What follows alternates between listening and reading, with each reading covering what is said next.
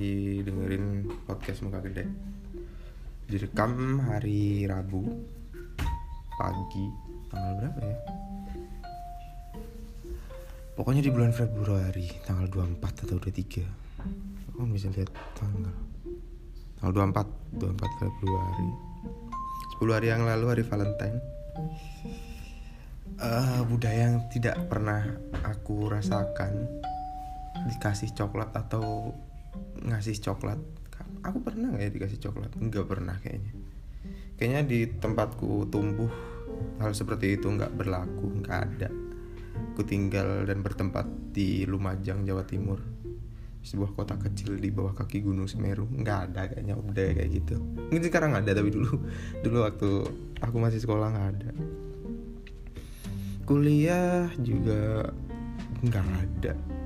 Nggak pernah dikasih gitu gitu dikasih kue pernah kue baju ulang tahunnya dirayain lucu ya kuliah itu Oke, hari ini kita mau ngobrol tentang pernikahan. Sebenarnya uh, bukan tentang pernikahannya sih, tapi orang-orang yang menikah itu. Kalau tentang pernikahannya ya semua orang akan menikah pada akhirnya. Ada yang menikah, ada yang nggak menikah. Tapi kita hidup di lingkungan yang kayak step by step gitu kayak step by step. Habis SD ya SMP habis SMP SMA habis SMA ya kalau mau kuliah atau kerja. Habis kerja menikah habis menikah punya anak habis itu mati. Se sesimpel dan sesederhana itu di lingkungan kita. Jadi kalau ditanyain kapan nikah? gitu itu kayaknya hal biasa deh. Uh, tinggal kita terbiasa atau enggak. Karena kita dapat apa sih kayak kayak pandangan-pandangan lain gitu. Eh, dulu awalnya kayaknya ditanyain kapan nikah itu kayaknya nggak masalah deh.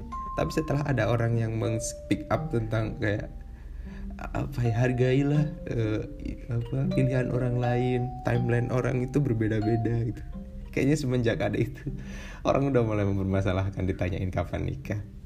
Kayaknya zaman dulu misalnya ibu ibuku atau bapakku ditanyain kapan nikah? Ya udah jawab jawab aja nggak usah ditanyain kamu seenggaknya harus menghargai dong timeline orang lain gitu. Kita tuh sekarang kayaknya terlalu banyak pandangan gara-gara ada internet kayak semuanya harus disamaratakan gitu. Uh, kalau pandanganku sendiri tentang pernikahan itu sebenarnya ya nikah nikah aja sih. Ditanyain kapan nikah ya bilang kapan gitu. Ya besok besok kalau belum ya belum. Besoknya lagi ditanyain lagi ya bilang lagi ya belum belum belum waktunya nikah gitu. Belum ada yang mau atau belum ada calonnya atau belum ada modalnya ya uh, kamu nggak bisa gitu ngontrol mulut orang lain. Yang kamu bisa kontrol adalah gimana kamu menyikapi mulut orang lain itu kan. Masa kamu harus uh, ini sih di di manja-manja terus sama lingkungan sekitar orang orang kan orang kan beda-beda ya. Kita semua kan tubuh masing-masing gitu. Jadi kita nggak tahu dia itu pendidikannya sampai mana atau dia punya hmm, pemikiran apa gitu tentang nanya kapan nikah menurut aku itu template sih kayak basa-basi aja. Ya tentu sih basa-basi tapi saya seenggaknya mikirin dong perasaan yang ditanyain. Apa emang perasaan kamu? Kenapa kalau ditanya kayak gitu? Sakit hati mau mati kamu digituin -mm. Uh, aku sebenarnya nggak pernah masalah dengan ditanyain kapan nikah gitu kapan kawin gitu. Um, dulu aku pernah sempet waktu aku kecil ya aku sempet annoying banget ditanyain kan uh, rumah ibu aku di Malang sedangkan bapak aku di Pati Jawa Tengah. Setiap pulang kampung mereka pasti nanya oh, udah kelas berapa sekarang? Gitu kan. Padahal uh, misalnya kita ke sana di tahun yang sama gitu berarti kan kelasku belum berubah kan. Pasti nanya lagi udah kelas berapa sekarang? Gitu. Aku waktu itu mikir apaan sih orang-orang ini? Masa basi terus orang kemarin udah nanya nanya lagi masa tahunnya sama kelasku beda ya? Nggak mungkin lah gitu. Waktu itu ya zamanku dulu terus sekarang di dewasa ini waktu aku yang gantian mudik ke sana gitu nanya nanyain ponakan-ponakan atau sepupu-sepupu yang masih kecil kelas berapa sekarang? gitu. Kenapa pertanyaan ini muncul dari mulutku? Aku gitu. Nanya apa lagi? Nggak ada buat anak kecil itu. Pun eh, waktu itu ada acara apa gitu di Malang bulan kemarin. Terus bulan ini aku harus ke Malang lagi gitu kan ketemu sama sepupu sepupu yang itu itu lagi uh, ponakan-ponakan yang itu itu lagi nanyain lagi tetap udah kelas berapa sekarang? Aku sebal dengan diriku sendiri. Kenapa pertanyaan ini muncul dari mulutku? Mungkin sama ya kayak pertanyaan kapan nikah? Kapan kawin? Gitu. Kayaknya itu udah template. Mungkin kalau kalian udah jadi oma-oma atau opa-opa masa kalian nanya berapa harga bitcoin sekarang? Kan enggak apalagi yang mau mereka iniin uh, apa bahasa basiin tentang kehidupan kalian masa nanya uh, gimana kabarnya itu sirih putih yang kamu tanam di depan rumahmu dua bulan yang lalu? Udah berkembang belum? Kan sirih putih nggak ada bunganya nggak mungkin berkembang. Jadi uh, ya menurutku kalau ditanyain kapan kawin kapan nikah itu template sih. Jadi nggak masalah nggak nggak ngerusak hidupku juga nggak ngaruh ke uh, gajiku berbulan nggak ngaruh ke moodku gambar. Entah ya orang kan nggak sama beda-beda. Uh, kalau aku pernikahan itu lebih ke ini ya penilaian dalam tongkrongan gitu. Uh, misalnya ada teman-teman temanku deket gitu terus dia nikah gitu kayak aku merasa kehilangan dia aja. Meskipun dia nggak ke mana-mana dia masih hidup dia masih punya rumah masih bisa di WA di mana gitu. Cuman uh, ada sebagian dari dia yang hilang buat kami buat teman-temannya gitu. Ya mungkin itu emang fase ya fasenya orang kan. Setelah dia menikah dia pasti punya prioritas masing-masing. Cuman kita sebagai teman uh, ngerasa kehilangan aja sosok dia gitu. Kayak kita misalnya punya beberapa program-program punya beberapa apa kayak janji-janji gitu. Misalnya besok kita ke sini yuk kita ke sini yuk. Setelah dia nikah dia kayak nggak ada kabar sama sekali. Dia diajakin nongkrong udah susah. Itu itu pandanganku soal pertemanan pertemanan dalam tongkrongan ya. Kalau masalah pernikahannya ya mungkin aku akan berbeda ketika aku udah menikah nanti pandanganku tentang pernikahan ini. Tapi untuk saat ini pandanganku ya itu kayak eh, rata-rata orang yang udah menikah itu ah asik gitu. Kayak ya udah mereka udah punya kehidupan sendiri. We, we lost we lost you. Kita kehilangan kalian gitu. Udah nggak bisa diandelin lagi udah nggak bisa dimintain tolong gitu. Karena mereka udah punya prioritas masing-masing kan. Ya bla bla bla bla bla. Tapi untuk dalam pertemanan aku rasa ya benar-benar hilang. Kayak udah nggak di situ dia. Dunia dia udah udah nggak di situ. Makanya lah menurutku uh, orang-orang yang udah nikah itu kayak udah nggak asik gitu. Kalau dulu faseku itu kayak di misalnya di waktu sekolah ya akan ada per perbedaan teman yang udah punya pacar dan yang belum punya pacar itu. Kayak prioritas dia sama main sama pacarnya di malam minggu atau hari minggu gitu. Dia mainnya sama pacarnya berduaan terus sama pacarnya gitu nggak main sama kita kita gitu. Meskipun dia teman baik kita.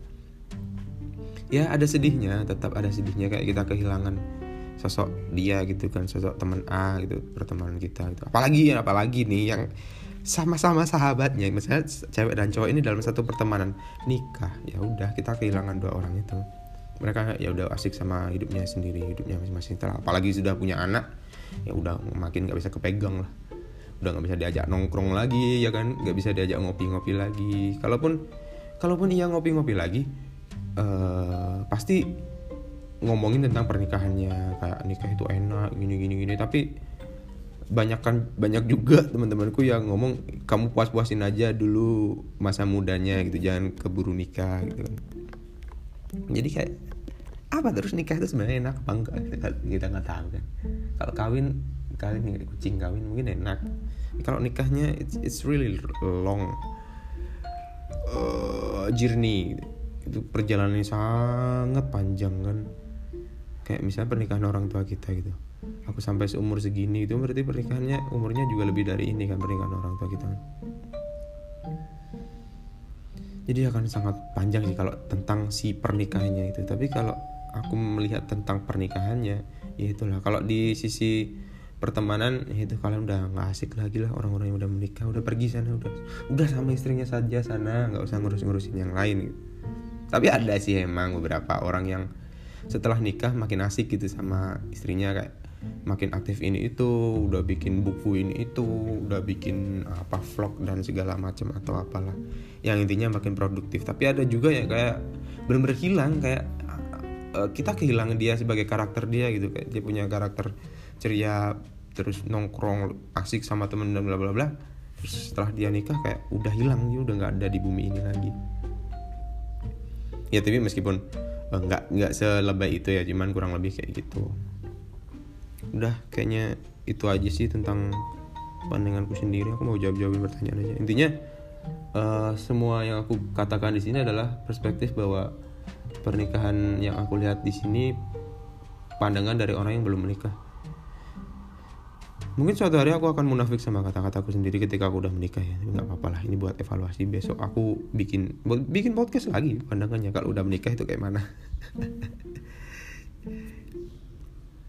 aku mau bacain pertanyaannya. Pertanyaan kayaknya nggak banyak yang sekarang. Pertanyaan yang pertama apa yang membuatmu memutuskan untuk menikah? Bullshit nek cinta tok. Bullshit kalau cinta aja. Hmm, kalau membuatku memutuskan untuk menikah adalah ya yang pertama emang waktunya berkembang biak mungkin ya. Mungkin populasi manusia di bumi udah makin sedikit kayak kita hampir extinct gitu hampir punah. Ini mungkin aku harus menikah hmm, mungkin karena uh, calonnya udah ada duitnya udah ada nunggu apa lagi? Udah nggak ada nggak ada lagi yang mau kamu lakukan di bumi selain sukses ya?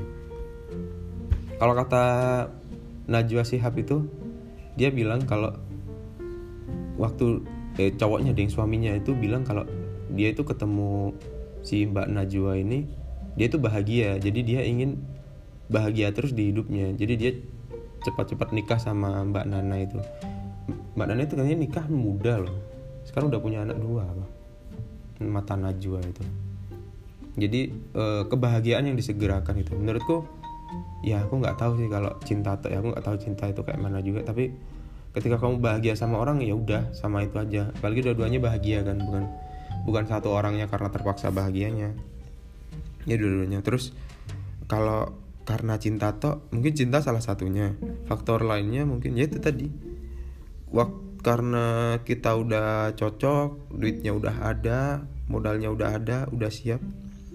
Uh, oh ya dan yang terakhir ketika kamu udah selesai sama hidupmu sebagai seorang diri sih menurutku. Jadi menikah itu ketika kamu udah selesai sama kehidupanmu sendiri.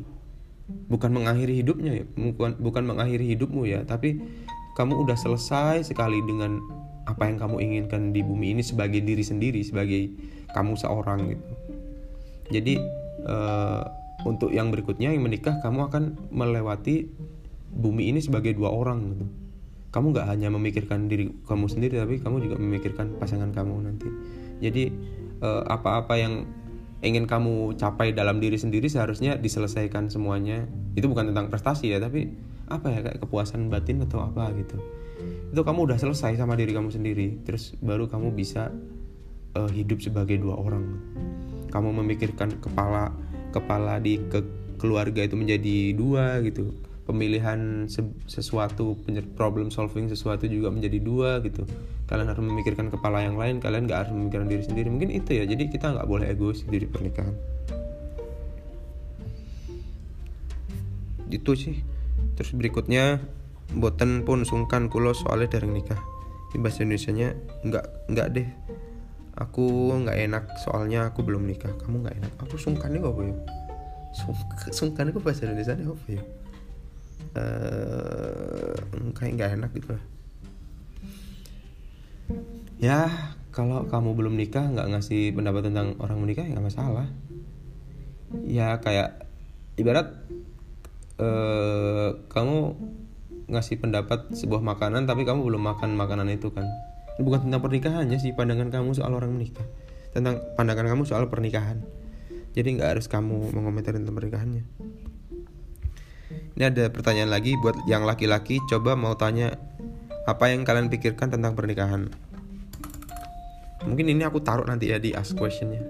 Biar dijawab sama laki-laki di seluruh followernya muka gede uh, kalau sebagai laki-laki hmm, apa yang kamu pikirkan pikirkan tentang pernikahan itu mungkin paling utama tanggung jawab ya karena kita kita kan ngambil anaknya orang. Kita bisa nggak ngasih makan dia? Kita bisa nggak membahagiakan dia gitu.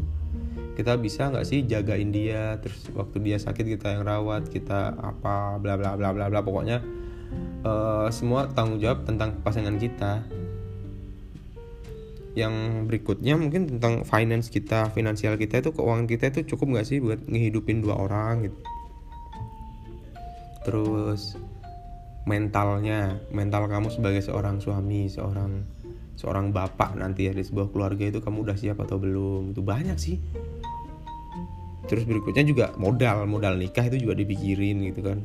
Banyak yang bilang e, nikah di KUA aja gratis gitu nggak usah bayar bla bla bla gitu kan tapi nanti e, diomongin sama tetangganya diomongin sama keluarga besarnya gitu itu juga dipikirin sama sama si lelaki-lelaki itu. Menurutku ya nggak tahu nanti aku taruh lagi aja di ask question biar ditanya sama orang-orang. Berikutnya wow excited gitu doang dia nggak nanya apa-apa. Yang berikutnya lagi kenapa banyak banget yang bilang nikah adalah pemecah masalah padahal kan menambah masalah? Ini yang komen uh, anak baru lulus SMA loh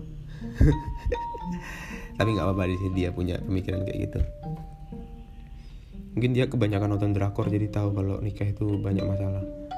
Eh uh, ya itu tadi menurutku. Ketika kamu menikah itu kamu harus udah selesai sama dirimu sendiri. Kamu aku nggak tahu ya kalau menanggapi banyak banget yang bilang kan berarti kata orang ya. Kata orang itu nggak ada di kamus bidik aku jarang sekali mempertimbangkan kata-kata orang. Tapi kalau uh, menikah ada sebuah pemecah masalah menurutku juga ada benarnya ada nggak benarnya juga. Tergantung sih masalahnya apa. Kalau masalahnya pengen punya pasangan biar bisa serumah secara halal mungkin masalahnya terpecahkan. Tapi kalau masalahnya uh, tak finansial tapi ternyata calon pasangan misalnya suaminya nggak kerja gitu kan masalahnya jadi semakin banyak. Jadi si pernikahannya ini bukan sebuah pemecah masalah. Kalau uh, nikah sebagai pintu rezeki gitu untuk orang-orang yang berusaha. Nggak harus nikah juga. Buka pintu rezeki kalian berdagang pun juga buka pintu rezeki kalian berusaha juga buka pintu rezeki banyak sekali. Dan nikah salah satunya. Jadi bukan sebagai acuan supaya dapat rezeki. Tapi kalian harus menikah sih. Dan yang terakhir rasa bahas nikah. Ini temanku yang kemarin kata aku kerja di sablonan itu. Dia kayaknya nggak mau nikah deh. Dia kayaknya mau membelah diri mungkin. Kayak amuba. Jadi nanti dia hidupnya di kolam.